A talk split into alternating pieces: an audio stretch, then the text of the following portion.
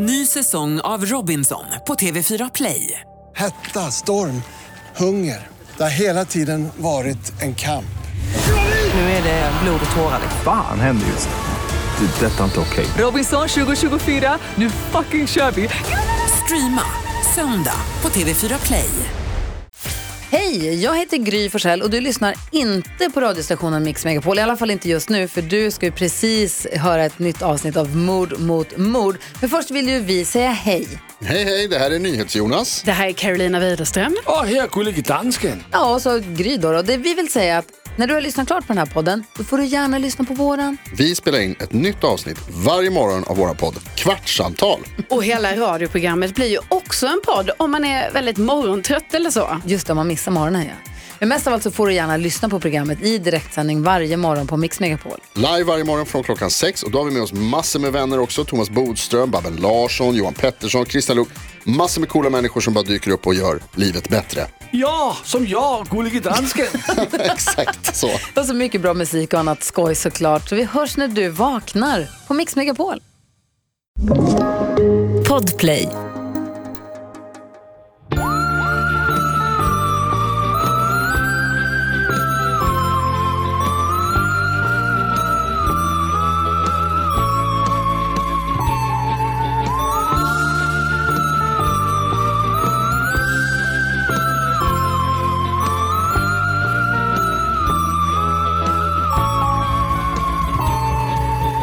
Och då önskar vi väl hjärtligt välkomna till ännu en vecka med Anna och Karin i Mord mot mord. Hallå! Hallå där i Sommarsverige. Jag känner mig lite ringrostig. Jag vet. Är det sommarens sista suck? Nej, nej, nej. Nej. nej. Nej. Men jag. Semesterns sista suck. Alltså, det har ju känts lite höstigt, tyvärr. Har det gjort det? senaste. Ja, det har det varit där jag har gjort där jag har varit, men kanske inte i Men det kanske du soliga varit i Skåne. Norrland. För jag har bara varit i Norrbotten. vara kallt. Ja, men där har jag bara varit en, en dag. Så Okej. det kan vi inte skylla på riktigt. Eh, väldigt ljust dock, jag vet inte om du har hört det. Det var väldigt ljust. Det brukar ju vara det. Väldigt ljust väldigt länge. Det var ändå fett, det hade något. Eh, Mm. Unik gärna- spaning, midnattssolen har något. Den har något. Ja. Men var det väldigt mycket mygg? Nej, inte, men jag var knappt ute på kvällen. Okej. Vi var alltså i eh, Piteå och Marcus eh, giggade där. Och eh, när han hade giggat klart så gick vi typ eh, hem då och eh, la Sally på hotellet. Och sen så låg vi i, på Sen en hotellsäng. och... Sen gick vi ut och söp. Men sen låg, låg vi på hotellet och eh, kollade på Real Housewives och åt snacks. Typ. Ja men så mysigt. Eh, så det var inga mygg på, där inne.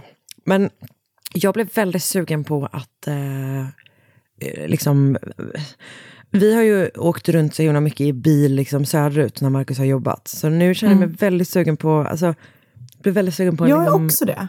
en- eh, Höga no- kusten, Karin. Ja men exakt, en liksom norrut semester. Vi kanske ska åka karavan roadtrip nästa sommar. Mysigt. Mm. Där vi ringer varandra. Nästa mack, nästa mack.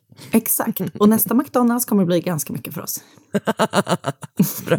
Tyvärr. Gud, Marcus, kommer, nej, Marcus kommer bli så glad nu när han, har en, när han reser med andra som driver på för. McDonalds. Exakt. Eh, ja, men så det, var, för det var ju fruktansvärt eh, väldigt, väldigt fint. Liksom. Härligt. Jag är taggad också. Och eh, jag ska väl inte sticka under stol med att jag egentligen inte riktigt längtar efter en husvagn eh, vagn slash bilsemester. Men jag kan ändå liksom underhålla tanken lite att vi skulle ha varsin husbil. Mm, jag vill inte ha... Jag, f- fan, vi har ju, nu har vi är det ju så att vi ändå har... Nu har vi haft den här podden för länge för att tänka att vi ska ut och campa. Nej, men det gör man. Det är knappt camping i en husbil. Okej, är du säker? Ja, vi ska ha en sån här riktigt fet, sån där, um, sån här stor liksom. Okej, men kanske mer av en sån, du vet en sån som band åker med, alltså kan vi åka tillsammans som nightliner? Ja, det kan vi ha. Turnébuss mer. Men jag skulle vilja ha, jag vill ha en, en våningssäng i och typ ett litet matbord. Och du och jag kommer ju sova i våningssängen, eller hur? Absolut. Mm, så kan vi ligga där och sk- skvallra på kvällarna. Och så får Marcus och Oskar sitta i förarsätena och... De kör ju hela nätterna. Sant. Gud. Vi Det är det måste som är komma grejen fram. med Det är det vi nightliner. Det är inte resan som är... Eh, det är inte må- Vänta, hur är det? Det är inte målet som är resan, det är resan som är resan. Som vi, som vi säger medan vi piskar på vi våra män från i förra set. Snabbare, snabbare. snabbare, kör fortare, woho!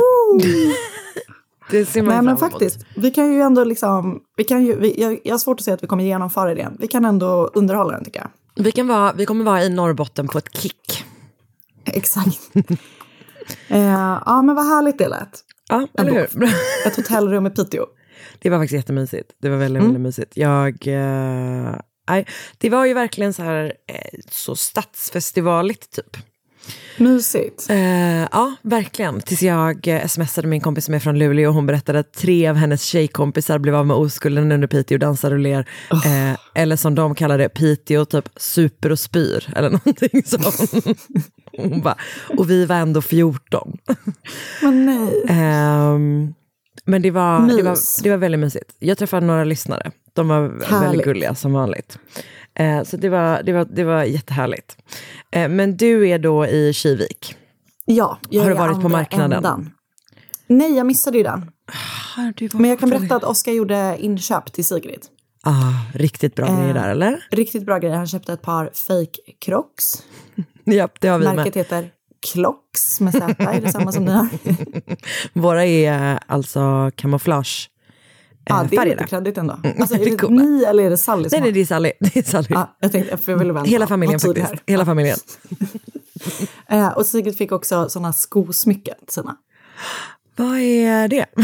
Man liksom, I hålen så kan man liksom klicka ner små figurer. Typ. Så vänta, så hon har alltså liksom eh, pimpade klocks då? Ja, hon har en Nalle och en Rosa Pantern. Bra. Sen fick hon en, alltså, en typ ponchotröja i knallrosa som är liksom så, du vet den har en liten tofs på luvan och fransar längst ner. Men är det lite så som eh, vi hade en kollega som hade? Nu måste jag tänka efter. Ja, det kan nog stämma. Jag, jag vet vad du tänker på. Det kan nog stämma. Men det, det känns som att de ska vara lite oversized, men den här sitter alltså som ett korvskinn på Sigrid. Och sen det starka, Vänta, vänta, hur rör hon armarna? det går, men det är lite tajt. Och sen så köpte han en sån klassisk varg-t-shirt. Ah, med Marcus bästa, bästa stil. Eh, så när vi åkte, vi var ju i Köpenhamn här och, eh, Och firade din eh, födelsedag. firade min födelsedag. Och då lämnade vi Sigrid med Oskars syster och hennes man och föräldrar. Och eh, när vi lämnade Sigrid då så hade hon på sig ett par rosa velour-tights, eh, varg-t-shirten och den här ponchon och en sån här badkeps som är hennes lilla kusins Gösta. Så den sitter alltså också som ett korvskinn på huvudet. Alltså, ja, det var, det var så starkt. Alltså, Och ert barn är så toppen. mäktigt. Hon är fan bäst. Hon är bäst. Okej. Men det är, Sally är bäst också. Båda Ja, det är det verkligen. Det är verkligen sant. De ska två rule mäktiga. the world with their clocks. Och Sally har fått sitt, eh, hon har ju fyllt år också, hon fyller år på samma dag som dig som vi vet. Och Mm. eh, hon fick ett riktigt mäktigt eh, trumset. Nice.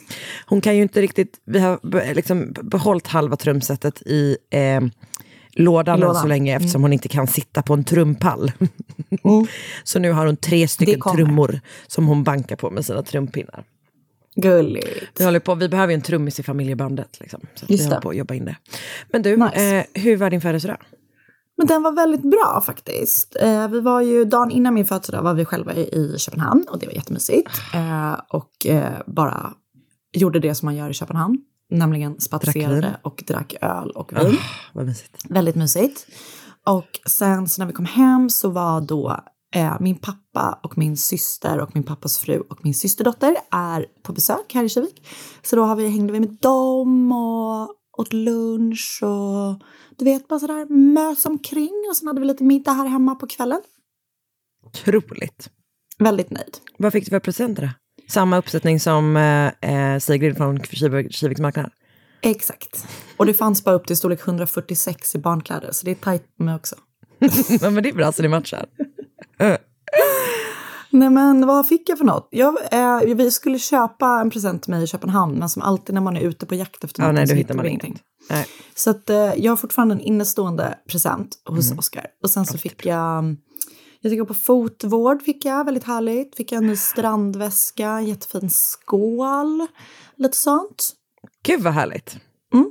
Toppenfödelsedag? Men, Frågetecken. Alltså, där, nu ska, vad sa du? Toppenfödelsedag? Frågetecken. Toppen födelsedag. Men vet du vad som slog mig på min födelsedag? Nej. Typ att jag inte bryr mig så mycket längre. På riktigt? På riktigt. Alltså, du Anna, vet, typ så här, du är Oscar verkligen kom- en vuxen person nu. Alltså jag kände verkligen det. 33 var året som jag Ja. blev vuxen. Ja. Typ, alltså jag bara kände så här, jag orkar typ inte att alla ska hålla på och så fixa och man typ bara ska säga, nej men du ska sitta här och bara ta det lugnt och typ, åh, vad vill du ha att äta på din födelsedag? Alltså sånt vill jag ju ha annars, men jag tycker det är jobbigt när det liksom blir så tydligt. Just det. Eh, Det du kommer fram till det att du vill ha det hela tiden. Exakt. Men jag fattar vad du menar. Det är ju pinsamt att fylla år också. Ja, och så hade Oscars föräldrar några gäster här som bodde i huset. Så att, du vet så här, de som jag inte känner bara grattis på födelsedagen. Och man bara åh tack snälla. Och så blir det typ så här, ska de sjunga så blir man lite röd i ansiktet. Typ, sånt. Jag fattar. Ja, Jag förstår. Men eh, gud, ändå stort. så att, Jag är eh, så imponerad av dig. Ja, tack. Men jag, jag bestämde mig också för att när jag fyller 40 då, om sju år, så ska jag ha en jäkla fest. Ja. Men jag funderar på om man redan ska dra till på 35. Kanske. nästa, det är nästa år för mig. Mm.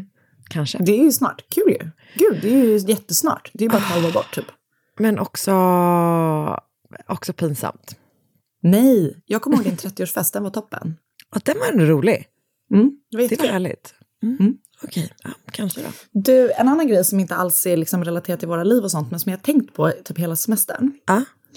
Du vet hur det känns typ att så här, andra människors, det känns som att tiden går så fort när man tittar på typ andra människors barn och sånt. Och så till exempel kändisar, på att gud det var ju en bebis nyss och så nu är det liksom en 20-åring. Japp. Ett kändisbarn som känns som det har varit jättelitet hela tiden Ja. är eh, David och Victoria Beckhams dotter Harper Seven. Men vad, hur liten är den här? För man vet ju om de här Brooklyn, de Ja. gamla liksom. Ja, Förlåt, men heter det här barnet Harper Seven? Ja. Det låter så himla mycket som en tidning typ. Men Eller? jag tänker att det är, ehm, jag tänker att det är ett kort, ett, så ett kortspelskort.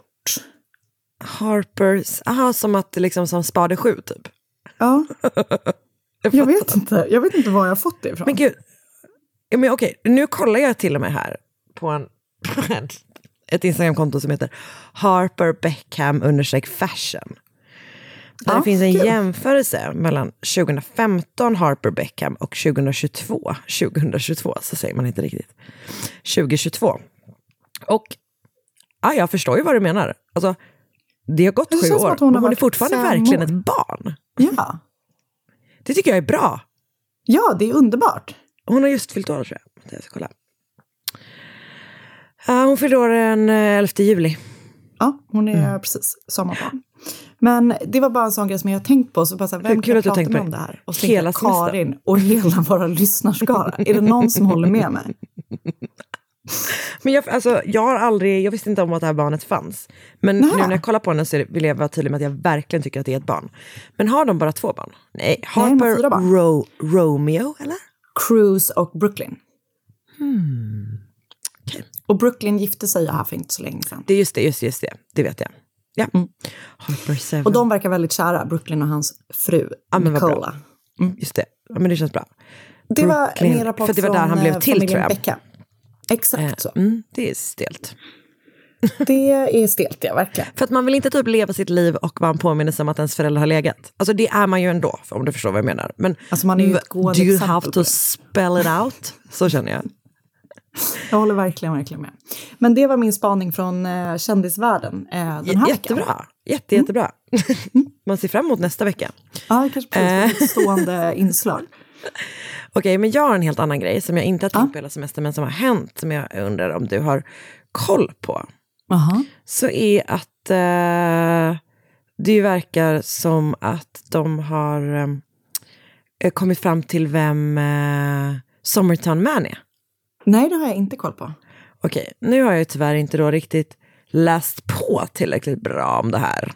Men ja, eh, här står det liksom BBC då. Mystery of Australia's Somerton Man solved after 70 years, researcher says. Och här vet vi inte om det, som det så ofta är, att det är någon som säger att de har klart med det. Men det verkar som att det är, för jag tror inte att polisen har gått ut med någonting än.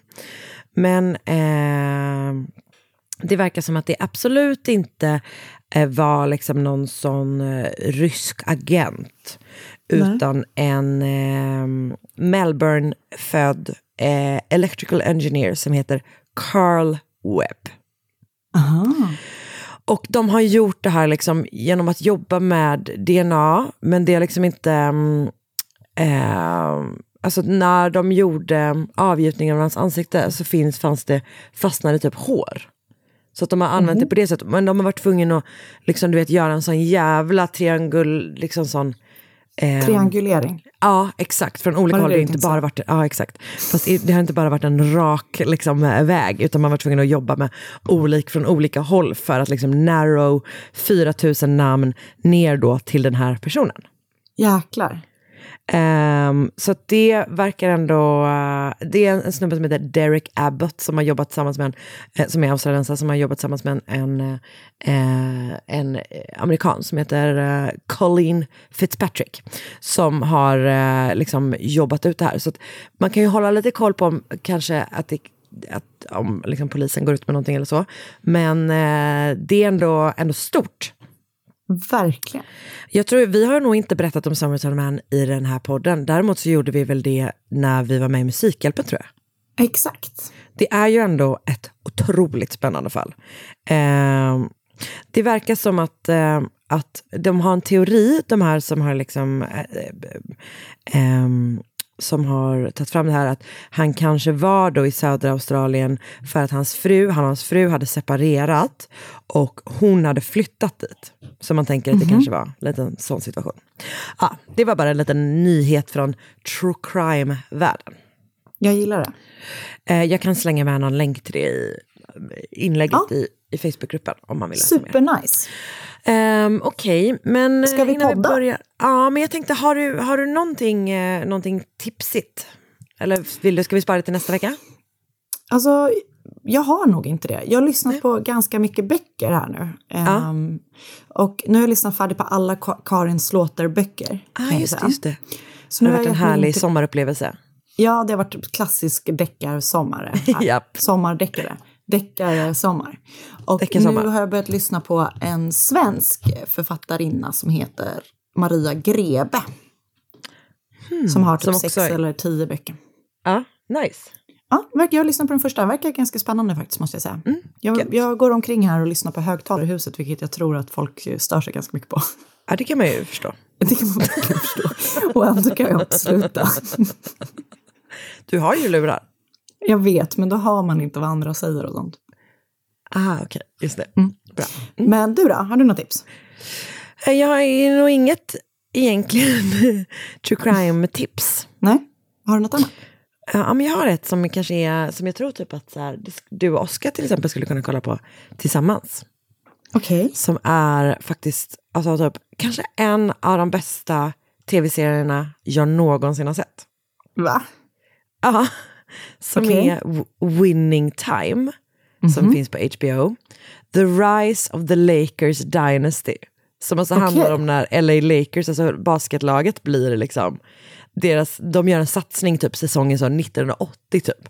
Och eh, det är eh, alltså otrolig tv.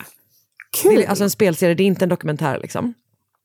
Det är, alltså man känner så mycket med så många olika karaktärer och man typ ömsom liksom älskar dem, ömsom hatar dem. Alltså det är verkligen så här, så som människor är, om du förstår vad jag menar. Det är inte så svartvitt som det alltid, nästan alltid är. Att det är så här, det här är personen vi hejar på och det här, förstår du vad jag menar? Utan det här är liksom, alltså den, och den är så snyggt berättad och den är lite som, alltså kommer du ihåg, vad heter den här The Landscapers med hon, eh, vad Just heter hon, det. Olivia? Ehm, Cole. Ja, exakt. Alltså, du förstår vad jag menar? Att man liksom typ leker lite grann berättartekniskt med en Kul. tv-serie.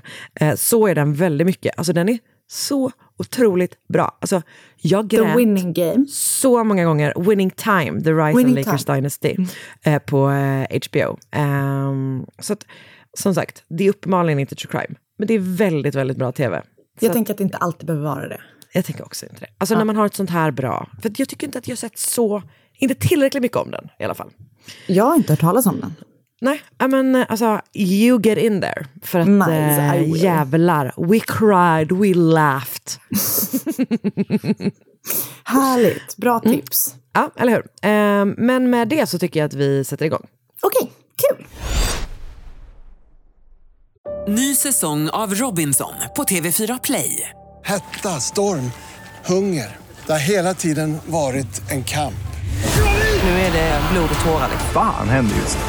Det är detta inte okej. Robinson 2024, nu fucking kör vi! Streama söndag på TV4 Play. Aj, aj, aj, det kluckar i rören. Men det är väl inget att bry sig om? Jo, då är det dags för de gröna bilarna. Spolarna behöver göra sitt jobb. Spolarna är lösningen. Ah, hör du? Nej, just det. Det har slutat. Ett poddtips från Podplay. I podden Något Kaiko garanterar östgötarna Brutti och jag, Davva, dig en stor dos skratt. Där följer jag pladask för köttätandet igen. Man är lite som en jävla vampyr. Man har fått lite blodsmak och då måste man ha mer. Udda spaningar, fängslande anekdoter och en och annan arg rant. Jag måste ha mitt kaffe på morgonen för annars är jag ingen trevlig människa. Då är du ingen trevlig människa, punkt. Något Kaiko, hör du på Podplay. Därför är gardinerna.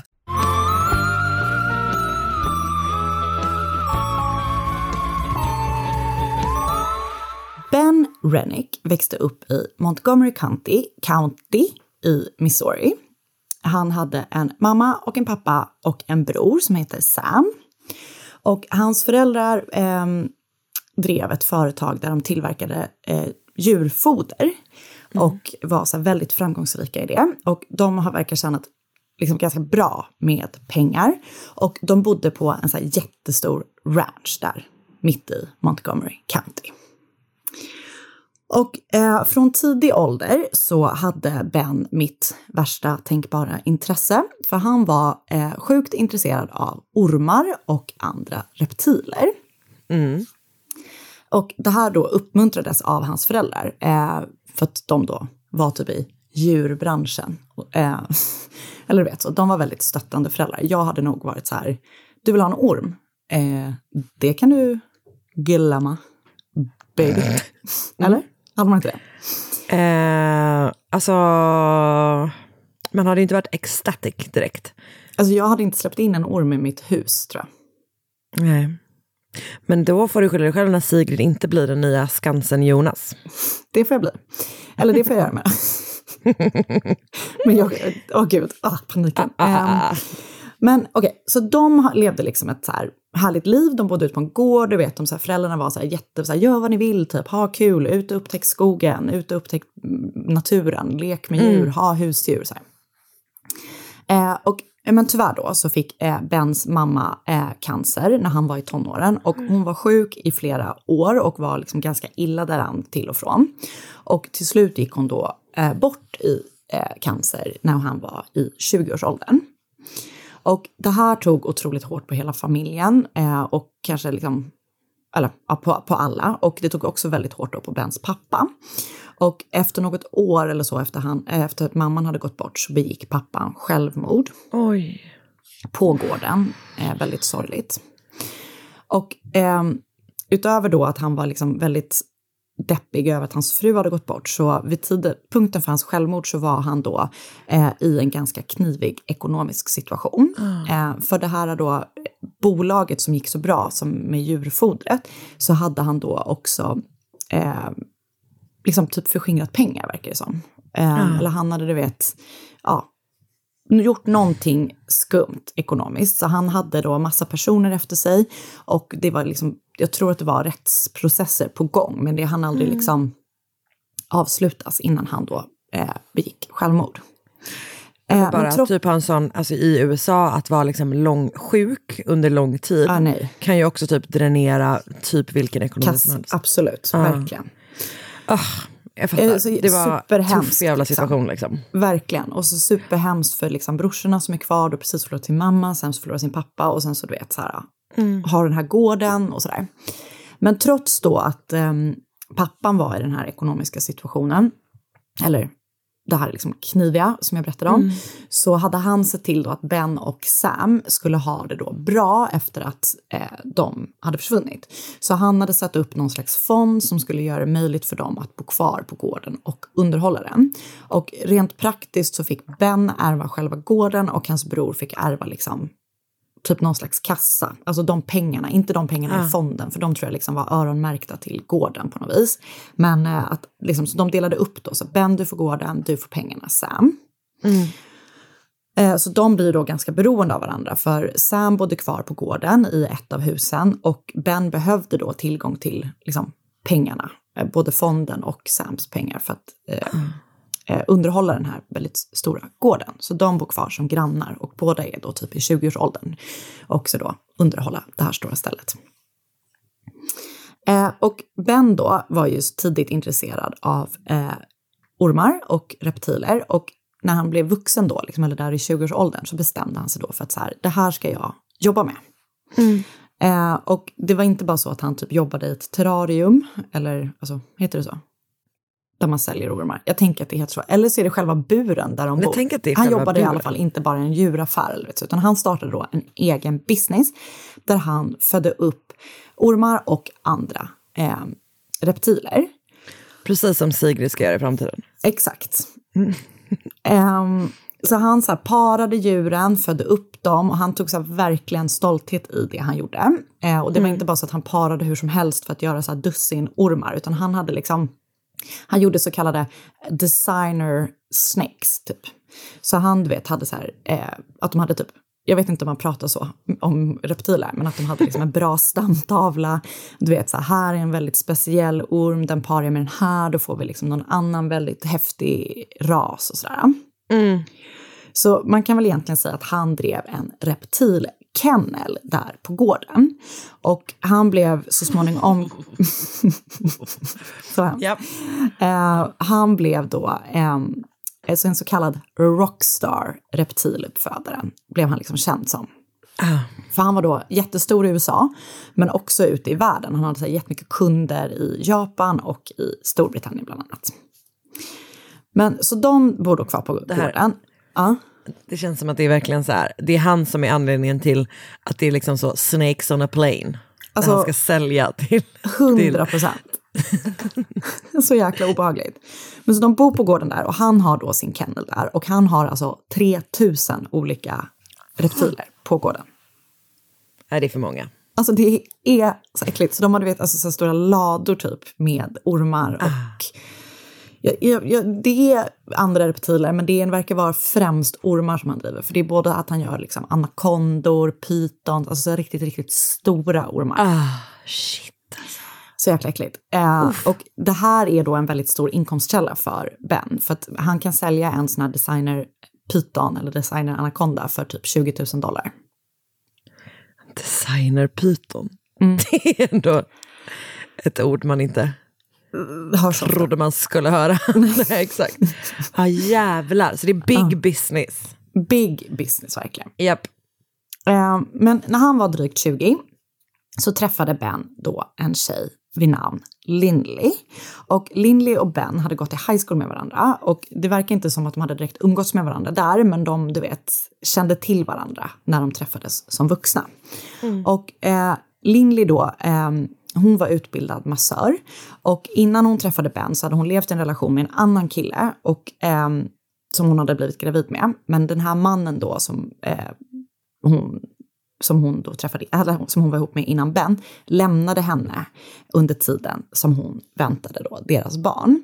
Mm. Och kort efter att hon hade fått sitt barn så träffade hon Ben. Och när hon träffade Ben då så kände hon så här, han är jättesnäll, han verkar verkligen ha varit så här, en jätteschysst person. Liksom. Han var snäll, han hade typ så ordnat liv, eh, du vet, gott om pengar, en fin gård och du vet massa sådana saker.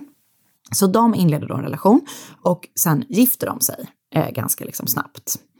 Och eh, Ben, du vet, tar sig an Lindleys son jättefint och behandlar honom som om det var hans egna lilla pojke. Och eh, eventuellt så adopterar han honom också. Och något år efter då som de har varit gifta så får de en till liten bebis. Och Lindley börjar också då jobba i familjeföretaget för att de är typ så här, eh, alla, alla runt omkring dem tycker det är så fascinerande att hon bara tar till sig eh, hans jobb och typ hjälper honom. Du vet, hon typ så här, eh, de åker på olika så här, mässor, utställningar, hon hon sköter typ hans sociala medier, så de gör så här filmer när han visar typ så här, det här är en sån här orm, här kläcks de här äggen, nu gör vi så här, du vet. Yep.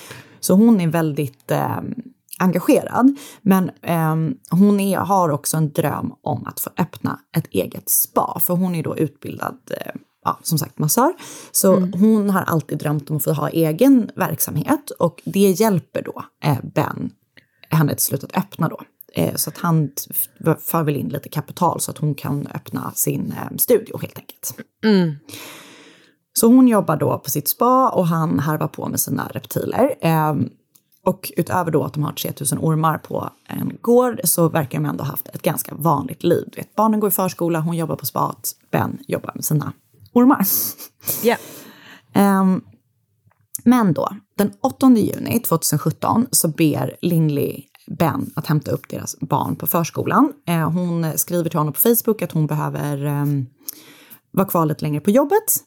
Eh, och det är liksom inga konstigheter. Ehm, men när hon då är på väg hem från eh, jobbet så ringer de från förskolan och säger att Ben inte hämtat upp barnen. Mm. Och det gör Lindley då väldigt förvånad eftersom han alltid var väldigt så här, skötsam. Han fixade alltid sådana saker utan problem. Han var väldigt pålitlig. Så hon ringer honom men får inget svar. Så hon åker då för att hämta upp barnen själv. Och när de väl kommer hem då, Lindley och barnen, så ber hon barnen sitta kvar i bilen eh, när hon bara går in för att typ så här, kolla var Ben är någonstans. För hon tycker att det är skumt, liksom, att han inte har svarat. Mm. Men så kommer hon då in, hon, jag vet inte om hon kollar först i huvudhuset och sådär, men så när hon går in i typ en av de här liksom, ladorna där alla ormar ligger, så, eller bor, eh, så hittar hon då Ben på golvet. Eh, han ligger, eh, det är liksom massa blod runt honom. Och han då lever uppenbarligen inte längre. Så hon skriker då på Sam som bor i huset bredvid i panik eh, och ringer då till larmcentralen. Och eh, jag har hört delar av larmsamtalet samtalet, och hon skriker jättemycket, hon gråter och är bara helt så här, "Ah, jag har hittat honom, det är bara blod, typ, jag fattar ingenting.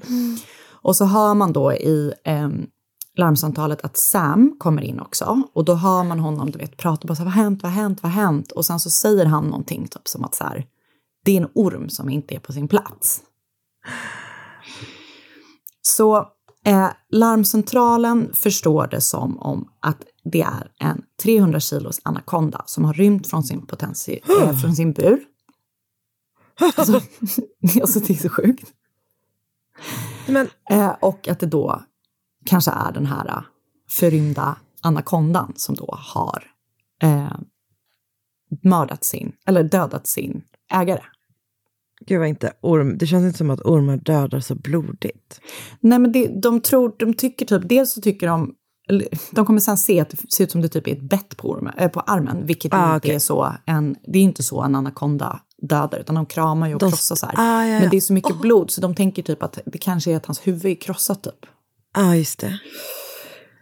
Så det kommer då liksom ett gäng så här, sjukhus, alltså det kommer ambulans, det kommer poliser, det blir väldigt mycket så blåljuspersonal på gården. Mm. Och ehm, de ser då att, eh, sjukvårdspersonalen ser då att han har typ ett bett. Eh, som sagt, det är ju inte så en anakonda eh, dödar som jag förstår det, men ehm, de tycker ändå, de, de är så inne i att det kanske är en orm. Och då, det, Mm. Alltså jag kan bara känna känslan själv, tänk att gå in och så ligger det bara massa så ormar i burar och så vet man att det kanske är en orm som är lös. Alltså det är sånt jävla CSI-avsnitt. Alltså det är verkligen det. Och det är så sjukt obehagligt. Eh, och poliserna då, de, du vet, det är så upptagna ljud och jag har inte sett några klipp, men det är så upptagen ljud eh, från deras sådana bodycams. Och de är skiträdda, poliserna. Alltså du vet, de är så här bara I'm gonna kill that motherfucker if I see it. Och typ, du vet så här. Ehm, och går runt med dragna vapen.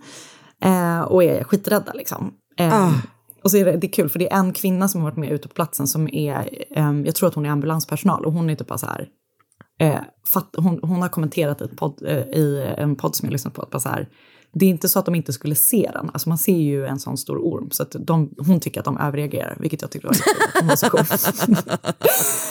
Så de går runt och så här letar efter den här ormen. Um, men de stöter inte på någon mördarorm och um, det är liksom, ja, de hittar ingenting. Och kort efter då att de har liksom gett sig ut så upptäcker också då eh, sjukvårdspersonalen eller rättsläkarna eller vem det nu är som är där ute att det är något annat som har skjutit Ben. För att när de vänder på Bens kropp så hittar de skotthål i hans kropp. Och även en sån tom patronhylsa. Så Ben har inte blivit mördad av en orm utan han har blivit skjuten åtta gånger. Så då är man först så här, och då, och då börjar de också leta om det finns någon, liksom, någon som har brutit sig in i huset. Så de letar då inte längre efter en orm, utan de försöker så här, då, då, du vet, då kollar de igenom huset, så här, är det någon här typ, som har mördat honom? Det är det inte. Men så då inleds i alla fall utredningen om vem som kan ha mördat Ben. Och eh, ganska liksom, snabbt så börjar de titta närmare på Bens bror Sam. För Lindley berättar då i något inledande förhör att eh, de två var väldigt olika och att de har haft det väldigt komplicerat i sin relation eh, sen eh, föräldrarna dött. Ah. Du vet, de var ekonomiskt beroende av varandra och eh, Sam hade tydligen typ inte kvar, eh, råd att bo kvar på gården. Och det var liksom väldigt kostsamt att ta hand om huset och det gick inte ihop på något vis. Du vet. Det var mycket så här, äh, ja det var inte så bra mellan dem helt enkelt. Ehm, och Sam betedde sig också väldigt märkligt efter att Ben hade dött. Redan då när polisen och alla var på platsen så var han typ så här, yeah it's me, the brother murderer. Och han var liksom bara sa så här skitmycket skumma saker. Och bara någon dag efter att eh, eh, Ben hade blivit mördad så hade han satt upp en skylt på gården där det stod, han hade skrivit I'm drunk and I'm armed. Vilket han betedde sig sjukt irrationellt liksom. Ah. Men Sam hävdar då hela tiden att han inte har någonting med det här att göra. Han liksom bekräftade att så här, ja, vi kunde vara ovänner, vi kunde vara osams, men han skulle, liksom, jag skulle aldrig skada min bror.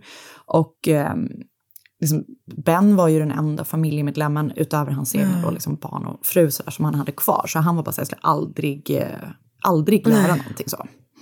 Och han var då till slut, efter han hade gjort de här konstiga sakerna, väldigt tillmötesgående mot polisen. Och så här, han gick med på att göra ett lögndetektortest. Eh, vi vet ju alla, men han gjorde det i alla fall. Och han lämnade in sin telefon på analys, du vet. Han, han bara säger, jag ger er allt ni vill ha, liksom. Jag har inte gjort någonting.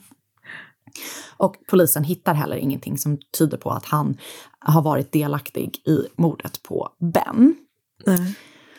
Och samtidigt då så har polisen utreder de eh, flera andra teorier. Typ kan det vara en missnöjd kund? Kan det vara en avundsjuk konkurrent? Eller du vet någonting sånt som någon som har ett, eh, liksom skulle tjäna på, eller som är arg på Ben typ. Eller skulle Ah. tjäna på att han har dött. Eh, men det leder typ ingenstans. Och Lindley då bor kvar på gården med deras två barn och han Bens 3000 reptiler. Och eh, för att få hjälp att ta hand om alla de här djuren så ringer hon då en kollega och vän till Ben som heter David och han flyttar in på gården eh, samtidigt som Lindley flyttar ut eh, för hon pallar typ inte bo kvar där. Eh, men den här David då är där och tar hand om alla djur och han är jätte, liksom han tycker att det här är typ, han tycker det är fruktansvärt såklart att Ben har dött men han tycker att det är liksom spännande att ta hand om de här eh, designerormarna. Eh, men Lindy då som, snar- som sagt flyttar ut. Hon tycker att det är jobbigt att bo kvar så hon bor hos sin pappa. Ehm, och ehm, samtidigt som hon bor där då och David tar hand om alla de här djuren så börjar David tycka att Lindy liksom beter sig eh, märkligt. För hon börjar då försöka sälja eh, Bens ormar. Men är inte det ganska rimligt att göra? Jo, men det, vet, det var inte riktigt hennes sak att göra då. Alltså, de är ju i och för sig gifta och sådär, men liksom, de tyckte hon var liksom lite skum kring det. Du vet, att så här, Ja, okej. det, det, de, Uppfattningen var att hon behövde snabba pengar, typ. Mm. Och eh, hon försöker dels då sälja ormarna till en annan kollega i branschen, en kvinna som heter Megan, som gick under namnet Megaconda, vilket är ett eh, väldigt starkt eh, eh, smeknamn tycker jag, eller det är alias. toppen. Det är verkligen Men, toppen. och, och när Mega, Megaconda då vill inte köpa ormarna för att hon är bara så här, nej men det är liksom Bens ormar, vi måste typ göra någonting bra med dem. Alltså du vet, det här är en speciell kennel liksom. Det är inga dussin ormar. Ehm, och Lindley blir då jätteupprörd och blir arg på David och bara du förstör mitt liv, jag vill bara sälja de här ormarna. Eh, och du vet så. När, när, jag, när du sa det så tänker jag för sig, ja det är väl ganska rimligt att hon vill sälja ormarna. Men de tycker i alla fall att det är, är väldigt skumt. Men, eller för jag menar typ så här. eh, hon vill inte bo kvar på gården. Det är inte hennes, alltså så här, hennes grej att hålla på med ormarna. Hon har 3000 ormar. Det finns några av dem som man kan sälja för typ vad sa vi, 20 000 dollar. Mm. Hon har liksom förlorat sin man, det vill säga hans inkomst. Alltså förstår du vad jag menar? Jag vet, men jag glömde Men det kanske bara. går lite snabbt eller Det går lite snabbt. Och till saken har också att Ben hade typ gjort en deal med en NHL-målvakt. Okej. Som var intresserad av att köpa ormarna. Så du vet, det finns också någon så här, hon går liksom runt affären på något Ah, vis. Okej, jag fattar. Mm. Eh, och den här NHL-målvakten har också typ redan gett pengar för en del av ormarna. Så, så, så att hon liksom, du vet, hon agerar helt så här... eh, Jag fattar. Fel, typ, eller man säger. Och ungefär ett år efter att Ben har mördats så kom det också fram att Lindley var gravid med en ny pojkvän. Oj då. Så hon, har liksom, hon går vidare ganska snabbt. Hon släpper liksom allt med det där. Vilket man kanske också kan förstå. Du vet, folk i hennes närhet säger typ så här, men hon var helt, hon är ung, alltså hon är inte ens 30. Eh, hon har två små barn, hon är helt liksom förstörd att hon har förlorat sin man. Hon behöver gå Mm. vidare. Vilket hon då gör med råge, för hon träffar en man som heter Brandon Blackwell och blir då med barn. Och det här reagerar ju liksom Bens familj och vänner väldigt starkt på. Typ så här, du, din, vår brorsa, din man har precis dött. Eh, du typ säljer av hans ormar och du vet så här. De Mm. blir typ ganska upprörda över det. Och Sam då med flera andra tyckte då att eh, det här faktumet att hon gick vidare så snabbt var konstigt. Och det som gjorde det hela ännu konstigare var att hon också försökte sälja Bens gård utan att typ involvera familjen alls. Ah. Så Ah. Sam fick bara reda på att hon försökte sälja gården genom att han fick ett brev en dag, bara helt plötsligt, så här, att du och din familj måste vara ute ur fastigheten om 30 dagar. Ja, det är inte toppen. Nej, så det är massa så här saker som de bara, vad fan är det som händer? Vad håller de på Ja, jag fattar. Och alla de här sakerna då tillsammans eh, fick då ben, eh, Bens familj och vänner att fatta misstankar eh, om att Lindley kanske hade någonting med Bens eh, mord att göra. Medan då Lindley och hennes familj menade bara så här, jag försöker bara gå vidare, det här är fruktansvärt, eh, du vet, hon hade inte haft det helt lätt heller innan hon hade träffat Ben och inte heller de åren innan Ben hade dött. Och du vet så här, så att de bara så här, det är inga konstigt, there's nothing to see here folks. Typ, det här är bara en kvinna som försöker gå vidare i livet. Eh, och hon väntade ju då barn med den här Brandon och när de blev ihop så var det liksom toppen. De var super, super kära. Fick ett Mm. kärleksbarn, eller blev gravida. Eh, men ganska kort efter att de då har liksom insett att de ska få barn så börjar det liksom gå snett. Och Brandon blir typ väldigt hotfull och aggressiv mot henne och gjorde liksom all möjlig skit. Han åtalades för någon typ av eh, misshandel och du vet, han typ eh, sådär. Det var inte bra helt enkelt. Men hon fick i alla fall beviljat besöksförbud gentemot den här Brandon. Och eh, det hände, och han blev då åtalad för typ någon, någon form av misshandel. Och eh, det hände inte så mycket med det här åtalet, men när Brandon kom ut så började, liksom från häktet eller vad det var, så började han då stalka henne. Och var Och hon är obehaglig. samtidigt gravid, eller hon har fött barnet? Ehm, jag tror att hon har fött barnet när det här hände. Ja, ja. Eh, men han då häktas för det här, eh, för, sin, för att han har stalkat henne. Och när polisen då förstår att det inte är bra mellan dem längre så bestämmer de sig för att så här, vi kanske ska fråga Brandon om han vet någonting om mordet på Ben. För de har förhört honom eh, liksom redan, alltså när Lindley och Bra- Brandon träffas så har de förhört Brandon. Men då är han bara Ah. så här, nej hon är en Nej. fantastisk kvinna, typ bla bla, Ah. det finns ingenting i det. Men så när de då märker att så här, det, det här är, de är inte, de är inte ihop längre. Låt oss se om Brandon har någonting att Uff. säga nu. Och när de då pratar med honom den andra gången så får de höra väldigt mycket intressant. För Brandon berättade då att han hade en konstig känsla när Ben dog om vad som egentligen hade hänt. Han berättade att han och Lindley hade träffats och inlett sin relation redan när Ben levde.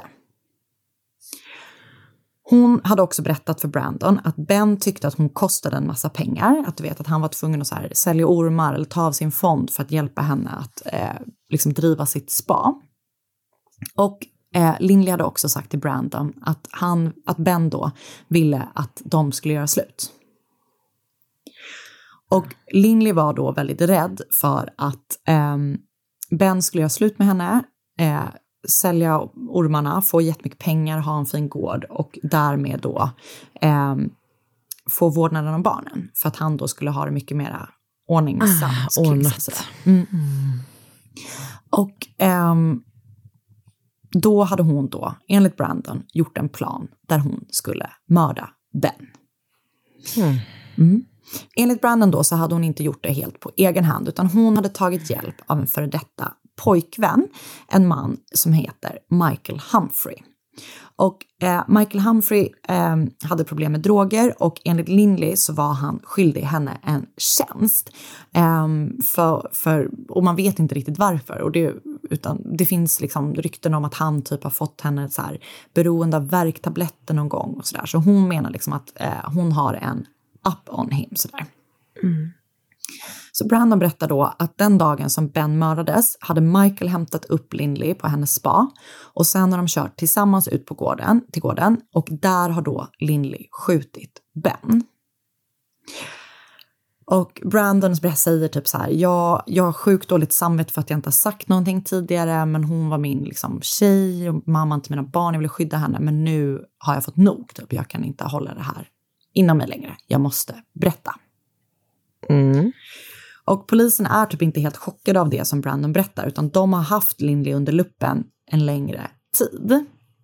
Eh, så efter att Brandon då har berättat det här som han berättade så skaffade de sig en husrannsakan och sen så grep de både Lindley och Michael och åtalade dem för mordet på Ben.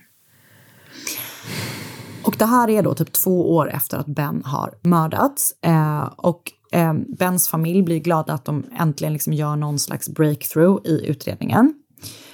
Men eh, Lindley då nekar att hon har, att det här är sant. Hon är bara så här, det här stämmer absolut inte. Och Mm. även Lindleys familj och andra i hennes närhet, bland annat hennes advokat, var helt i chock och menade att Brandon bara sa det här för att han typ var sur på Lindley för att hon har fått honom, hade fått honom gripen för stalking. Men det inleds i alla fall en rättegång och i den så kommer det fram både det ena och det andra. Eller först är det lite utredning och sådär. Men i rättegången då så kommer det fram en, eh, eh, lite olika saker. För enligt åklagaren då så var det inte bara Michael Humphrey som blivit inblandad i mordet på Ben, utan även två av Lindleys kollegor. Bland annat en kvinna vid namn Ashley Shaw som var typ någon slags managing director på spat. Hon, Ashley berättade då att ehm, Jo, eller hon berättade saker i utbyte mot att hon fick immunitet för att hon då ändå hade deltagit på sätt och vis i mordet på Ben.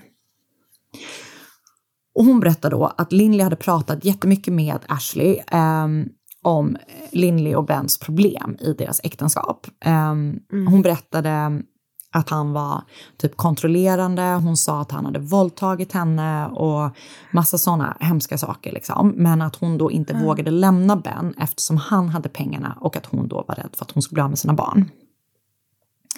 Eh, och jag vet inte exakt sannings... Eh, liksom, det kanske var Nej. så, eller så kanske det inte var så. Det, det framgår liksom inte och det kan man nog inte veta eftersom han är... Eh, ja, du Japp. vet.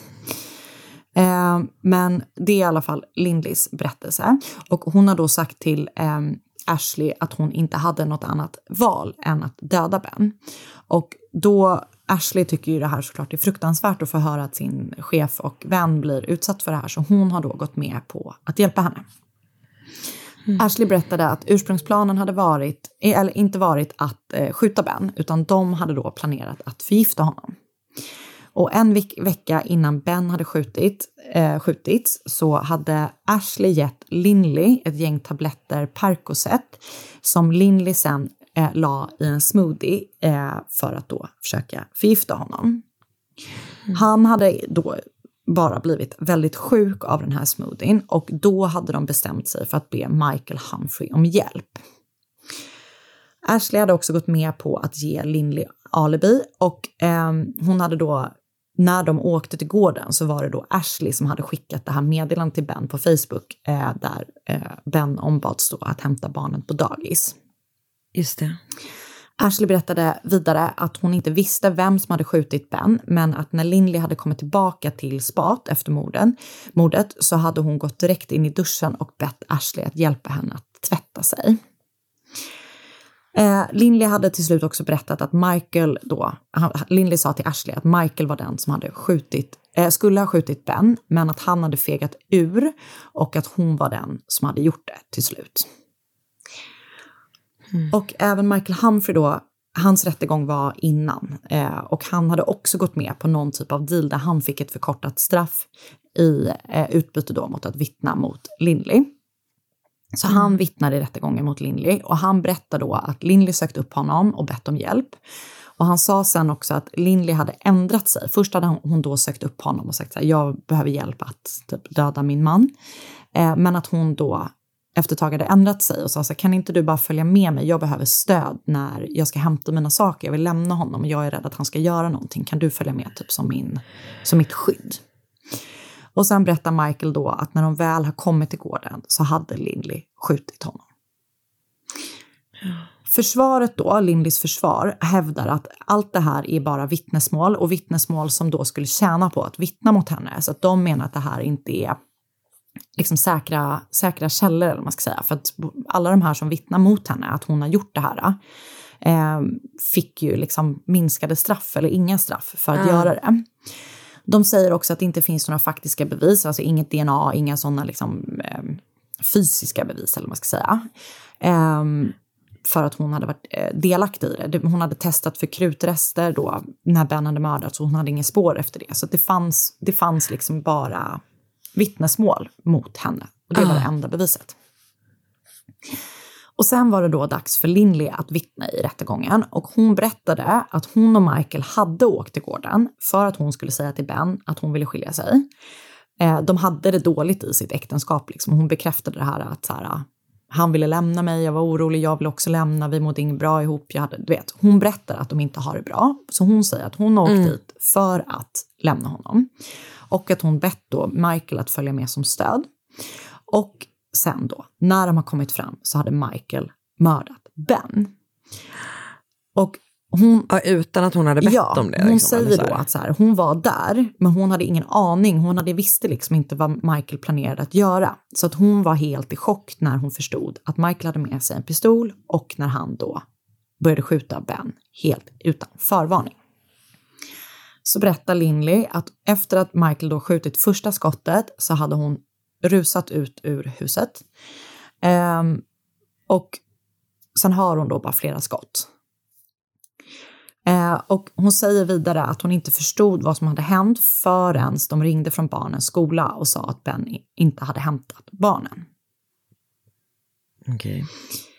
Lindy medgav också i rättegången att hon hade ljugit tidigare i utredningen och de undrade också varför, att, varför liksom, typ, Lindley hade försökt indikera att Sam kanske hade någonting mer att göra. Hon säger bara att hon inte kunde tänka klart och att hon inte hade sagt någonting på de här två åren, mycket på grund av att Michael hade hotat henne.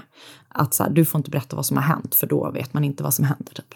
Men att hon nu liksom var redo att berätta sanningen och det här var det som hade hänt, det som hon då återgav i sitt, eh, eh, i sitt vittnesmål. Okej. Eh, rättegången pågick i fyra dagar och eh, efter, och juryn tror jag övervägde i typ 12 timmar. Eh, Lindley dömdes för mord, second degree murder, och hon dömdes då till 16 år i fängelse för mordet på Ben. Familjen är liksom, blev, alltså Bens familj då blev jättebesvikna på att de fick en så låg dom. Och eh, Michael fick eh, livstid men med chans till frigivning efter x antal år som jag tyvärr inte har skrivit upp. Eh, så han, för det var ju döds, alltså det var ju massa saker att han skulle få livstid och du vet så här, men han fick ju då en mildare dom för att han vittnade mot Lindley. Eh, och Lindleys två kollegor då, eh, som också var medhjälp kan man väl säga, eh, fick inget straff. Eh, Lindley avtjänar sitt straff idag och fortsätter att neka till att hon hade planerat att mörda Ben och säger fortfarande att hon inte visste vad som skulle hända den dagen som hon och Michael kom till gården. Men vad skulle liksom vara hans eh, motiv? Michael? Men, jag tror väl typ, alltså enligt henne då menar du? Ja, exakt. Ja, att, hon ville, att han ville skydda henne typ, eller du vet så här, han, verkar, Ja, han var, har ju haft drogproblematik, att han var oberäknelig, alltså du vet massa sådana saker. Ja, okej. Men så Lindley kommer ju komma ut när hon är typ 40 eh, och ehm, domaren var liksom helt emot den domen som juryn levererade. Ja. Eh, och, eh, Och ville ha ett hårdare straff, typ. Eh, Ja. Och eh, men det är bara så sjukt. Och Bens, Bens barn då, alltså hans, eh, liksom, eh, hans och Lindleys barn och även Lindleys barn från eh, tidigare relation eh, har, fått en fond som de får tillgång till, alltså fått ärva sin pappa typ och så här. Och de bor väl hos Sam som jag förstår det. Ah. Ehm, och ormarna? Det vet jag faktiskt inte vad som har hänt. Det kanske är den här NHL-målvakten som, eh, som fick dem till Som slut. tog allihopa? Han, han hade fått ett pris på 1,2 miljoner dollar för alla ormar. När man kommer hem och man bara, jag har gjort ett litet inköp idag. 3000 Älskling, orm. Jag har köpt 3000 ormar. Vi ska bli the new Tror du man- reptile rockstars. Så tror du man får med eh, terrarier? Jag, tror jag tror typ det. Man fick hela bohaget. Så jobbigt Ja. om inte. Just det, ormarnas bohag. Nej, men så äh, hemskt liksom. Och, och, Ah, gud, vad sjukt. Och det verkar ju vara lite tvetydigheter fortfarande om vem som faktiskt sköt, vad Lindley har blivit utsatt Ah. för i sin relation med Ben. Och du vet, det är fortfarande många sådana utestående Ah. saker som man inte vet, som det ofta är ju i äh, mordfall. För att det, ja. Så märklig miljö, liksom setting. Det är så märklig... Det är så obehaglig. Vad heter det? Skådeplats liksom. Ah, jävlar. Du, tack snälla. Ja, men tack själv. Jag har lyssnat på Dateline, eh, väldigt bra avsnitt, väldigt omfattande. Eh, avsnittet heter Venom. Och sen så har jag läst eh, eh, Rockstar Reptile Breeder Murdered. Coroner said this was, just not, this was not just a random act på CBS News. Och sen så har jag läst ehm, se, också på CBS News. A snake is eyed as the culprit in man's death until cops realize it can't pull a trigger. Och sen har jag läst The US Sun, så har jag läst um, Cold Blooded. Mystery death of famed snake dealer Ben Rennick solved after shocking Facebook messages revealed his wife, wife Lindleys secret.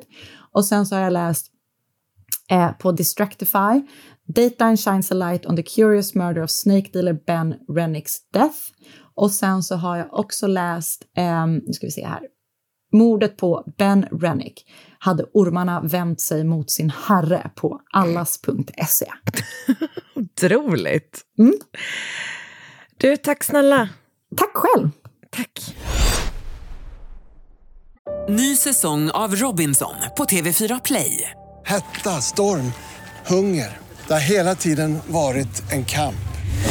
Nu är det blod och tårar. Fan händer just nu. Det. är Detta är inte okej. Robinson 2024, nu fucking kör vi!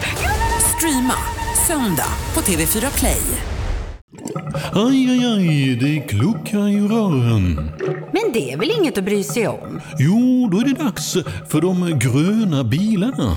Spolarna behöver göra sitt jobb. Spolarna är lösningen. Ah, hör du? Nej, just det. Det har slutat. Ett poddtips från Podplay. I podden Något Kaiko garanterar östgötarna Brutti och jag, Davva, dig en stor dos skratt.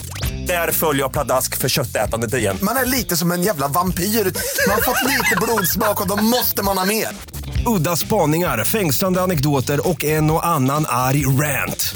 Jag måste ha mitt kaffe på morgonen för annars är jag ingen trevlig människa. Då är du ingen trevlig människa, punkt. Något Kaiko, hör du på Podplay. Därför är gardinerna.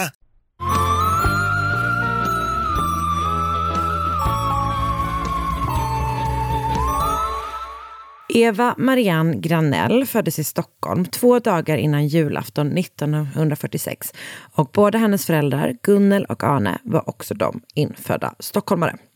Och vad jag kunnat se så var Marianne deras enda barn. Jag är inte säker på det, obs, men det är så jag förstått det. Hon kallades dock aldrig för eh, Marianne, utan genom hela livet så kom hon att gå under smeknamnet Kickan. Och det är också vad jag kommer att kalla henne. Och familjen kommer eh, att bosätta sig i Hökarängen och hamnar i ett radhus på Söndagsvägen 88. Kickan växer upp och blir en liksom, helt vanlig tonårstjej. Hon är glad, trevlig, beskrivs som liksom check och sådär. Hon är en, eh, verkar vara liksom... Som du. Ja, så sant. Eh, men hon var liksom också så här framåt driven och när hon väl blev arg så blev hon verkligen arg på riktigt. Hon har så här, kompisar, hon var normalbra i skolan men hon hoppar av gymnasiet i tvåan eh, efter en period av sviktande betyg. Och den perioden har liksom gjort det lite knöligt mellan Kickan och eh, hennes pappa. Han har varit lite sur på henne typ. Men 1965 så läser Kickan kvällskurser två dagar i veckan för att komma in på sekreterarutbildningen. Så jag antar att det är så här maskinskrivning och sånt liksom. Och hon har också ett vikariat som kontorsbiträde på sjukhus och där är hon mycket, mycket uppskattad. Eh, så att hon liksom så här, ja, hon har hoppat av skolan, men hon har liksom planer för livet. Det är inte det att hon bara går runt och funderar på vad hon ska göra, utan hon är på väg liksom framåt. Eh, Kickan var liksom en ganska så petit och eh, blond tjej. Eh, hon blev ofta uppvaktad av olika killar. Men hon tyckte att det var lite jobbigt att göra folk besvikna. Så ibland fick hennes mamma Gunnel rycka in och avfärda en och annan uppvaktare åt henne. Hon blir dock ihop med en kille som heter Jan Olov, men kallas för Janne och han pluggar till möbelsnickare. Han kommer då, eh, jag tror att det är nyårsafton liksom 1964, eh, så friar han till henne. Mysigt. Och de förlovar sig. Så sommaren 1965 är Kickan 18 år gammal och förlovad. Och hon och Jan reser till Spanien på semester och har en alldeles underbar resa. Ändå, Mysigt. det är något så härligt med den här situationen. Och eh, det gör ju att vi vet att det kommer bli Det kommer bli ett långt fall. Ehm, så de kommer då hem från den här resan, Spanienresan, eh, söndagen den 25 juli. Och då, redan på måndagen ska de träffas igen. Eh, för då ska Kickan följa med till eh, Jannes liksom, familjs landställe. Men när hans pappa ringer Kickan för att plocka upp henne på måndagen så får han inget svar hemma i radhuset. Och det får inte Janne heller när han börjar ringa till sin tjej. Och grejen är att hon är liksom ensam hemma under den här perioden för Gunnel och Arne är på semester i Frankrike. Ehm, men det är, liksom, det, är så här, det är konstigt att hon inte svarar. Liksom. Det är inte likt henne, framförallt med tanke på att de ändå har stämt träff och sådär. Men han väntar, alltså Janne väntar till middagstid dagen efter innan han eh, ber sin bror att följa med honom till Söndagsvägen och kolla vad som har hänt. Där är det ingen som öppnar. Eh, han knackar på då liksom vid sextiden den 27 juli, det är en tisdag. Eh, men de ser då att altandörren är öppen och bestämmer sig för att gå in den vägen. De kommer in i huset och ropar då på Kickan men får återigen inget svar. Och till slut så går de då upp på övervåningen och där hittar de henne liggande livlös i sina föräldrars säng. Snart kommer polisen till platsen och Kickan Granell kommer att dödförklaras där. Hon har varit död så pass länge att liksom förruttnelsen har påbörjats. Nej. Men hon har inga synliga skador på kroppen. Det finns liksom inga tecken på inbrott eller någon slags kamp i huset. Och när polisen hittar två pillerburkar vid sängen så avskriver de dödsfallet som självmord. Och det gör de liksom trots att hennes närstående är så här, det, hon skulle inte göra det. Det är inte det som har hänt typ. Eh, och snart så kommer då liksom eh, hennes familjemedlem och typ vänner och sådär. Eh, de förhör typ, eh, eller när polisen pratar direkt med Janne, hans bror och typ en, eh, en granntjej som hon också har varit jätte, hon är väldigt bra kompis med och som hon har hängt med på typ söndagen efter att hon har kommit hem och sådär. Och, och, så de säger liksom verkligen så här, nej men hon, det här låter inte alls som att som att hon har avslutat sitt eget liv. Och de kommer då att få rätt när kroppen undersöks och man kan konstatera att hon inte har rester av några piller i kroppen. Så man kan liksom utesluta självmord. Man hittar spår av sperma eh, och som jag förstår det så gör man det både på kroppen och i sängen. Eh, och när rättsläkaren undersöker kroppen så hittar han små, små skador i ansiktet, alltså verkligen jättesmå. Och även eh, brustna blodkärl, eh, som jag förstår det, runt ögonen. Och det är någonting som man får vid syrebrist. Okej. Så det är ju sådana saker som man kan få till exempel om man har blivit strypt. Just det. Men det har hon inte. Det kan man se liksom. Så dödsorsaken är oklar, eh, men man tror åtminstone inte längre att det handlar om självmord. Och den bilden stärks när man inser att någon har skurit av telefonsladden Åh, i nej. sovrummet. Efter ett tag så minns polis, en annan polis, eller han är liksom inblandad i utredningen som jag förstår det, men han, han liksom kommer ihåg ett annat fall eh, där en kvinna blivit överfallen i sitt hem bara 700 meter från Söndagsvägen. Och där har en gärningsman tryckt eh, en trasa liksom över hennes ansikte. På den trasan så vis, kommer det visa sig att han har lösningsmedlet kloroform. Polisen får då idén om att det kanske är samma sak som har hänt Kickan, eh, men liksom med dödlig utgång. Den här andra kvinnan eh, klarade sig.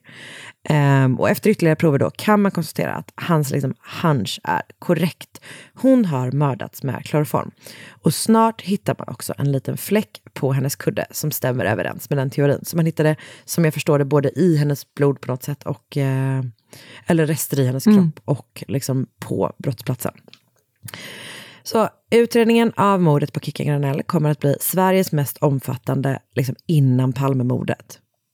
Och polisen arbetar parallellt med brottsplatsundersökningar, dörrknackning bland de få grannar som inte är på semester, sök med hundar och intervjuer med närstående.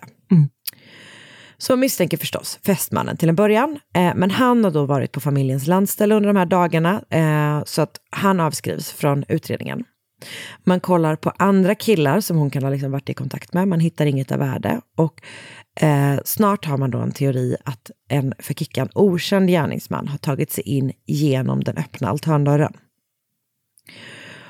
Och det visar sig då eh, att eh, den här tjejen som jag sa var granne som hade hängt med, med Kickan liksom, på den här söndagskvällen, hon, hon kallas för Lillan. Eh, hon berättar att hon har blivit förföljd hem av eh, en kille som har stått i skogsområdet som ligger, liksom, det är ett skogsområde mellan de här radhusen och närmsta tunnelbanestation. Så att när hon har gått hem från tunnelbanan så har hon, alltså är det en kille som har följt efter henne och typ försökt prata med henne och hon har liksom bara varit så här, du vet tagit sig hem så fort har kunnat och typ ignorerat honom och hon har liksom sen hört honom, alltså typ gå runt i trädgården och typ så här, knacka på rutor och så. Äh, det är så fruktansvärt läskigt. Eh, och det verkar som att det kanske är därför som Kickan sover i sina föräldrars eh, sovrum. Eh, för att hon, Lillan har då berättat om det här och det är bara i föräldrarnas sovrum som det finns en telefon. Så att det liksom är så här att det är en säkerhetsfråga varför hon har valt istället att bo i, sova i deras rum. Liksom. Så man vet då att mördaren har använt kloroform och det är lite konstigt tycker jag för att eh, när jag läst, alltså det känns som en sån himla liksom eh, filmisk grej. Mm, du vet att man verkligen. håller bara en trasa med kloroform och så toppar någon av. Men som jag har förstått det så ska det ta väldigt lång tid innan någon liksom, alltså det, man måste andas in det här under ganska lång tid för Mm. att liksom dö av det typ. Eller ens tuppa av. Men, men eh, sådär. Så att, utifrån liksom en, en, en mod, modernt perspektiv så är det, det är liksom inte helt givet sådär hur det har gått till. Men hur som helst, man, han har då, eller den här gärningsmannen har då använt kloroform och man skickar ut en fråga till apotekare i Stockholm för att det säljs på apotek vid den här tiden. Och eh, snart får man ett tips om eh, en man som har köpt kloroform och som visar sig vara tidigare dömd. Och han grips då och alla är verkligen övertygade om att polisen har rätt man. Alltså de är verkligen så här, okej yes, typ, vi har honom. Men snart faller allt samman för han har alibi för söndagskvällen då Kickan har mördats.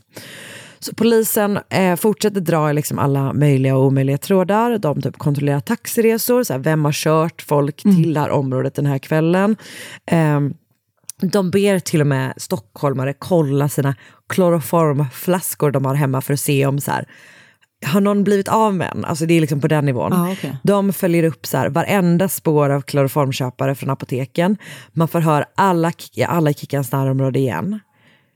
Och man tänker då att gärningspersonen vetat om att hon kommit hem från Spanien och var ensam hemma den här kvällen. Mm. Och det kräver ju liksom en viss insikt i typ hennes liv eller att man, du vet, kan spana på henne typ. Mm. Och en taxichaufför berättar, hör av sig och berättar att han har kört en nervös man till Söndagsvägen under mordnatten. Och den här mannen kommer att identifieras och gripas, men han avskrivs också. Så det är liksom så här, det är inte det att det blir kallt direkt, utan de har ganska många olika spår att gå på typ. Dessutom så har de ytterligare några tekniska spår att gå på. De har hittat mörka hårstrån och barr från liksom, alltså, du vet, en helt, vanliga gran, ja, helt vanliga granbarr typ. Eh, det har de hittat alltså i, eller liksom på Kickans lakan. På lakanen hittar de också potatismjöl. Okay. Alltså, det hittar de liksom på lakanen, kroppen och i liksom rummet. Och så hittar de en ljusbrun fläck på en kudde. Och den visar sig matcha en fläck på en handduk som man hittar utomhus ett par veckor senare, typ bara slängd i en buske. Okay. Och den handduken bekräftar eh, Kickans mamma Gunnel kommer från deras hus. Mm. Så man analyserar fläcken som med både på kudden och fläcken på handduken och inser att det är någon slags smink. Okay. Så gärningsmannen har alltså burit liksom smink vid attacken. Okej. Okay. Men där tar liksom det sminkiga spåret slut. Mm. Och det här mordet blir eh, alltså enormt uppmärksammat. Tipsen strömmar in och det gör det då svårt för polisen att följa upp alla. Men när övriga spår kallnat och den tekniska bevisningen inte lett vidare så börjar man förstås nysta i de tips man redan har fått. Alltså man jobbar liksom bakåt. Mm. Och som man tidigare har ansett då vara mindre intressanta. Och det är då man får upp ögonen för en av Kickans grannar. Det är en man som hyr ett rum på Söndagsvägen 54.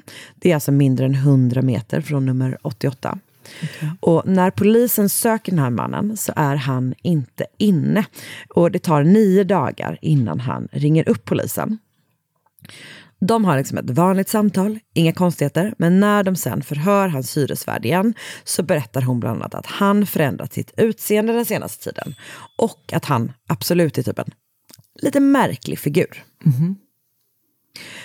De förhör alltså hans hyresvärd, jag tror att det är en, en, liksom en, en kvinna han hyr av helt enkelt, eh, i hennes hem. När han inte är hemma.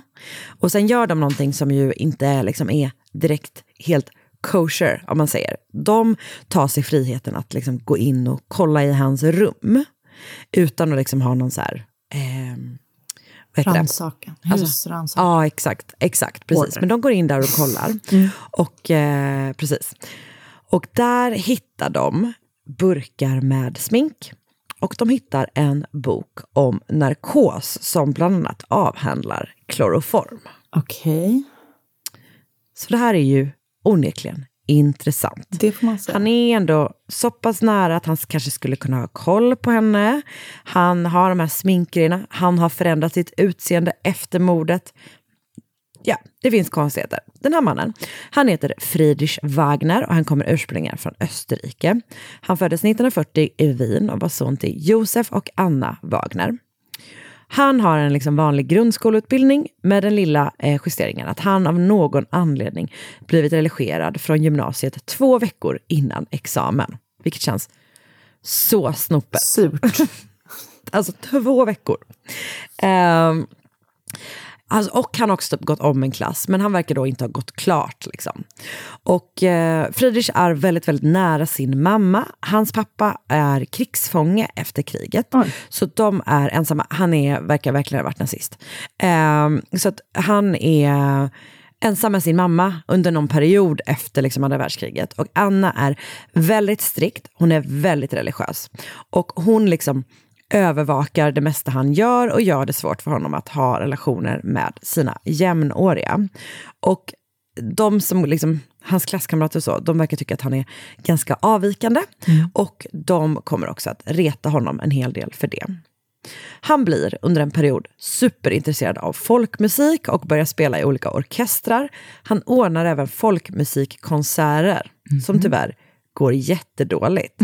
Enligt liksom, källor så dyker ingen upp. Jag vet, det är verkligen deppigt. Alltså han har liksom bokat en konsertlokal, typ så anställt ett storband typ. och så kommer ingen. Ja, det är faktiskt riktigt deppigt. Men han försöker göra det fyra gånger. Enligt källor så kommer ingen någon gång. Det tycker jag låter konstigt. Ja. Någon måste ha kommit någon gång. Men det går inte så bra i alla fall med hans eh, festfixar-spår. Eh, spår. så att han har liksom ingen så här, alltså han känner sig bara allt mer utanför samhället. Och även liksom, typ han är liksom som arg på det österrikiska samhället. Att så här, ingen typ vill vara med honom. Alltså han börjar typ utveckla ett hat gentemot liksom, ja men typ Österrike, alltså alla österrikare. Han börjar verkligen hata sitt hemland typ. För att då han tycker att de begränsar honom, eh, ingen tycker om honom, de har ingen respekt för honom. Och i 20-årsåldern så säger han mer eller mindre upp bekantskapen med alla han känner, inklusive sina föräldrar, och flyttar till Sverige och Stockholm. Mhm. Där jobbar han på lite olika jobb. Alltså, han typ jobbar, verkar ha jobbat en hel del restaurang. Men eh, ett par veckor innan han kommer att gripas för mordet på Kickan eh, så har han fått anställning på posten. Han är då 24 år gammal och är liksom så inställd på att han så här, vill stanna i Sverige och bli svensk medborgare, att han försöker liksom säga upp sitt österrikiska medborgarskap. Mhm. Det är också någon historia om att hans föräldrar har typ, de, han har inte sagt till dem vart han bor, men de har typ spårat upp honom och typ skickat pengar till honom. Då blir han jättearg. Typ. Alltså, han försöker verkligen eh, bryta sig loss, kan man säga. Den 22 september, eh, som sagt, hittas ju då Kickan den 27 juli, så det har gått liksom två månader drygt. Eh, den 22 september så griper polisen Friedrich Wagner och samtidigt som man påbörjar förhör så inleds då rättsteknisk undersökning i hans rum på Söndagsvägen. I rummet så hittar man bland annat en hel väska med bilder på kvinnor, urklippta ur olika tidningar. Alltså det är liksom inte allt som är typ porr, utan det är typ kvinnor som gör vad som helst. Vilket på något sätt känns Läskigt. ännu obehagligare Ja, än porr. man bara, här är typ en kvinna som lagar mat i en tidning. Känns väldigt obehagligt. Eh, man hittar också pistoler, man hittar en kniv, man hittar alltså en hel, liksom, vad heter det? Stack, alltså en Ett lager. bunt. Ja, men en hel liksom, bunt med tidningsurklipp om mordet på Kickan. Man hittar smink som sagt. Man hittar rester från potatismjöl. Man hittar två nycklar till bankfack och eh, även anteckningar. Och i de här bankfacken så hittar man ännu fler anteckningar. Och i de där anteckningarna så hittar man a lot of fucked up shit. Okay. Alltså, det är liksom en galen människas galna planer. Jag skulle säga att han, den där Friedrich Wagner, hade han varit idag så hade vi bara rakt av beskrivit honom som en in- incel. Jag fattar. Han är väldigt besviken på alla världens kvinnor eftersom de inte vill vara ihop med honom. Det vill säga att han har träffat en tjej under sina folkdansår som han liksom har blivit obsessed vid. Och hon är då anledningen till att han har spelat musik. Hon är anledningen till att han anordnat de här festkvällarna typ. Och hon verkar då vara liksom en, alltså sam, hon verkar stå, vara över honom i liksom, sett i samhällsklasser om man säger så. Och eh, det gör då att hon, han, hon liksom är utom räckhåll för honom. Typ. Alltså, han har liksom försökt göra någon slags social resa genom att arrangera de här festerna, men när ingen har kommit dit och han dessutom blir religerad och därför inte heller kan få typ en, liksom en bättre utbildning i Österrike, har han tvingats inse att han inte kan få henne. Okay. Och det är det som har gjort att han liksom verkligen börjar hata Österrike. Men någon i hans liksom folkmusik eller folkdansgäng har sagt att i Sverige ser alla ut som den här tjejen. Så det är därför han har flyttat till Sverige. För att hitta sig en substitut blondin. Perfekt. Mm. Wagner har vid flera tillfällen satt in kontaktannonser i DN. I en av dem beskriver han sig som en svensktalande spanjor. som söker en trevlig flicka som gärna har egen lägenhet eller dylikt. Okej. Och han har också fått napp på det här. Alltså han har flickvän under ett helt jävla halvår. Men när hon gör slut med honom, antagligen för att han eh, beter sig jätte, jättekonstigt och jätte, jättedåligt. Liksom. Eh, det är då hans liksom, beteende verkligen eskalerar. Han köper sex, han dricker väldigt mycket och han planerar hur han ska få tag på en tjej. Det han kommer fram till är att han ska ägna sig åt eh, hjärntvätt. Han ska alltså kidnappa en tjej och hjärntvätta henne att bli kär i honom. Det visar också att han har faktiskt försökt droga och hypnotisera en före detta kollega i det syftet. Och polisen kan liksom lokalisera henne. Är en kvinna som kallas för Bojan och som verkar ha jobbat på en restaurang med honom. Och hon berättar att Wagner har gett henne ett glas med något som var jätteäckligt. Alltså, det var liksom ren sprit blandat med något annat. Och hon trodde typ att han gjorde det för att jävlas med henne. Eh, och det gjorde han väl på något sätt också, men eh, inte på det sättet som hon trodde, utan hans plan var alltså att droppa, blanda vad han kallar för knockout-droppar i det här glaset, för att hon skulle tuppa av, så skulle han kunna hypnotisera henne och så skulle de vara ihop. Ja. Du hör, det här är inte en frisk människa. Liksom. Verkligen inte. Men hon tycker att den här grejen är så äcklig så hon spottar ut den och klarar sig då. Och det är då han har spårat ännu mer. Och till slut då kulminerar det här i mordet på Kickan Granell.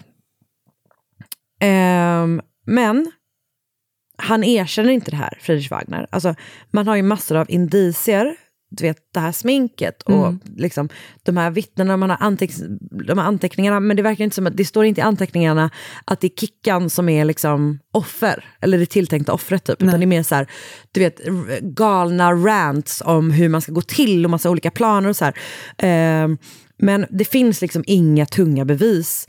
Eh, och till slut då, när han väl ställs eh, inför rätta, så kommer liksom åtalet, att, eh, åtalet att ogillas. Eh, men han omhändertas ändå på grund av resultatet av den rättspsykiatriska undersökningen som gjorts inför rättegången. Okej. För att, att han är sjuk liksom, Ja. och typ farlig på grund av den sjukdomen, det råder inga tvivel om. Så han eh, liksom hamnar på sjukhus och snart får polisen höra från sjukhuset där han är intagen att han är redo att prata. Så de söker upp honom igen och förhör honom igen och då erkänner han mordet på Kickan. Det här eh, är då vad han berättar. Det finns en hel del funderingar kring vissa detaljer av det här, men det här är liksom hans historia om hur det här har gått till. Det visar sig då att han har liksom studerat Kickan hela sommaren. Alltså, han har en plats i skogen, den här skogen liksom mellan tunnelbanan och radhusen, där han har stått och typ spanat in i hennes rum. Han vet om att hon har kommit hem från semestern den där söndagskvällen. Han vet om att hennes föräldrar inte är hemma. Han ser henne göra sig i ordning för att gå och lägga sig. Eh, och släcka lampan. Och sen väntar han en timme till. Han är sminkad när han gör det här. Och jag vet inte varför. Jag tror att det bara har, alltså det är liksom en del av hans bara sjuka planer typ. Så han har liksom, han är sminkad och han har liksom av någon anledning ovanpå sminket då potatismjöl. Vilket är varför man hittar det i rummet. Han smyger in i huset genom den öppna altandörren. Han har då med sig en trasa som han dränker i kloroform. För planen är då, enligt honom, att söva Kickan för att sen kunna kidnappa henne, hypnotisera henne och hjärntvätta henne till att vara ihop med honom. Men, och detta är då som sagt hans påstående, han har använt för mycket kloroform och istället för att tuppa av så dör Kickan. Men som sagt, jag har läst att det tar lång tid att ens tuppa av av kloroform. Liksom. Så att, ja, det verkar inte helt Nej. troligt. Sådär. Nej. Men hans story är helt enkelt att hon bara har råkat dö. Men att det hindrar då inte honom från att utsätta henne för liksom, sexuellt våld efteråt. Sen stannar han i huset och städar noggrant. Och det finns liksom bevis på att gärningsmannen verkligen har varit kvar i huset och verkligen, verkligen städat typ. Innan han till slut återvänder hem. Så nu har då polisen ändå ett erkännande och typ ja, det, ja, det är just den här att bli studerad från ett skogsområde. Nej, alltså det är, liksom så jäkla obehagligt. mardröms, Ja. ja. det är så jävla jävla obehagligt. Och att hon hade lagt sig i Eh, sina föräldrars rum för att få en telefon. Ja, och det är också det jag tänker med det här telefonsladden är, är avklippt, tänker jag också liksom går emot hans historia. För att det jag antar har hänt då är att han eh, inte varit helt säker på om hon var död. Mm. Och därför klippt eh, telefonsladden för att hon inte skulle kunna ringa efter hjälp. Eller du vet, förstår du vad jag menar? Var den alltså det är verkligen det var själva mina... sladden, det var inte ledning. Ja. Alltså, mm. Nej, alltså som jag förstår det så är det att sladden var klippt. Liksom. Eh, vilket jag tänker, alltså det här är mina spekulationer, men tyder på att han ändå, varför skulle man göra det om inte för att förhindra att hon ska kunna Få hjälp. liksom vakna och Mm. få hjälp helt Mm. enkelt. Så nu har polisen sitt erkännande och efter det erkännandet så tas fallet upp igen, vilket jag inte riktigt vet eh, om det, hur det funkar i en svensk liksom, rättsprocess ens idag. Men det gör det i alla fall. Mm. Och eh, det tas upp i hovrätten och då kommer Friedrich Wagner att dömas för dråp. Mm. Och det gör han även om han, liksom, trots att han senare tar tillbaka sitt erkännande och säger då typ att så här, polisen har liksom, eh, eller han säger nog att det är de på sjukhuset som har liksom manipulerat honom att, att, att eh, erkänna då. Men han döms då till eh, rättspsykiatrisk vård. Och han tillbringar ytterligare några år på institution i Sverige. Bland annat sitter han på Sankt Göran, varifrån han lyckas fly 1967. Och ta sig till Danmark, så att han lyckas ändå... Alltså, han försvinner ändå långt. under en bra Ja. tag. Ja, exakt. Men han grips igen och tas tillbaka. Och senare så kommer han då att utvisas till sitt hatade, hatade Österrike. Det var, kan man ju tycka var rätt åt honom. Ja, faktiskt. Eh, och vad som hände sen är lite oklart. Men det finns källor som säger att han tillbringar resten av sitt liv på olika sjukhus och vårdhem innan han till slut dör 2010. Och mordet på Marianne Kickan Granell blir som sagt extremt uppmärksammat och beskrivs som ett av de första så vidigt uttryckta sommarmorden. Eh, men trots det så lyckas man hålla hennes begravning privat. Och det är bara liksom närstående på plats när hon ska begravas på Skogskyrkogården.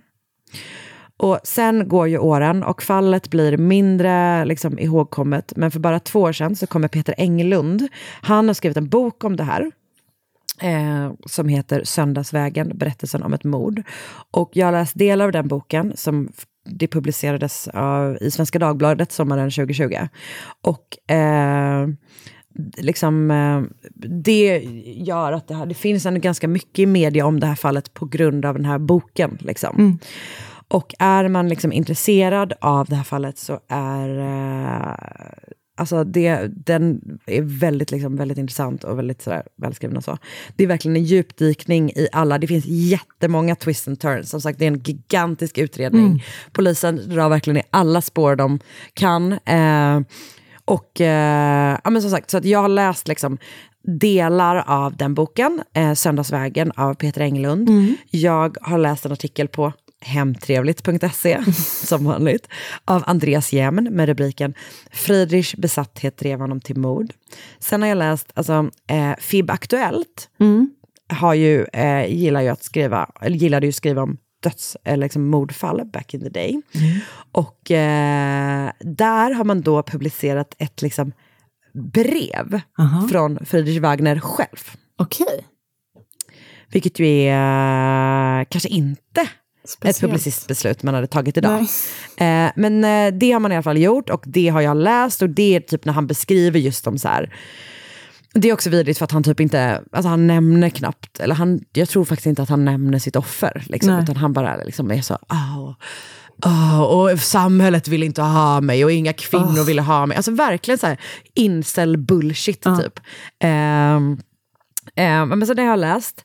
Och eh, sen så har jag också läst eh, en Aftonbladet-artikel av Henrik Högström med rubriken Mordet på Söndagsvägen. Men som sagt, alltså, den här eh, Söndagsvägen av eh, Peter Englund är verkligen en djupdykning i mordet på Kickan Granell. Det kallades för eh, kloroformmordet under eh, när det hände. Bra tips på bok. Ah, så det var... berättat. Ja, vilken... ehm, det blir långt avsnitt idag, hörru. Väldigt långt. Härligt. Vi, eh, Vi är tillbaka med... Eh, Lite kortare. Våra vanliga avsnitt. ja, exakt. Det bara, nästa vecka blir det nog lite kortare, kan man tänka sig. Det kan man tänka sig. Eh, men tack för att ni var med och eh, Tack snälla lyssnade. Karin och alla ni. Och så hörs vi om en Mm. vecka. Nu är vi tillbaka på vanlig veckobasis igen. Japp, det är vi. Härligt. Okej. Hej då. Hej då. Ny säsong av Robinson på TV4 Play. Hetta, storm, hunger. Det har hela tiden varit en kamp. Nu är det blod och tårar. Fan händer just nu. Det. är Detta är inte okej. Robinson 2024, nu fucking kör vi! Streama söndag på TV4 Play.